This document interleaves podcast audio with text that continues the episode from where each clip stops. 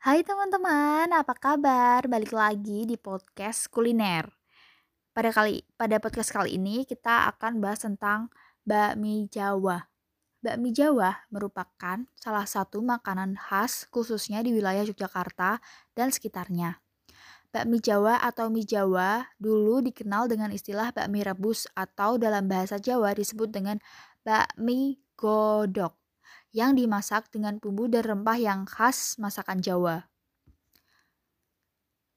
Nah, keistimewaan bakmi Jawa ini adalah pada cara pengolahannya.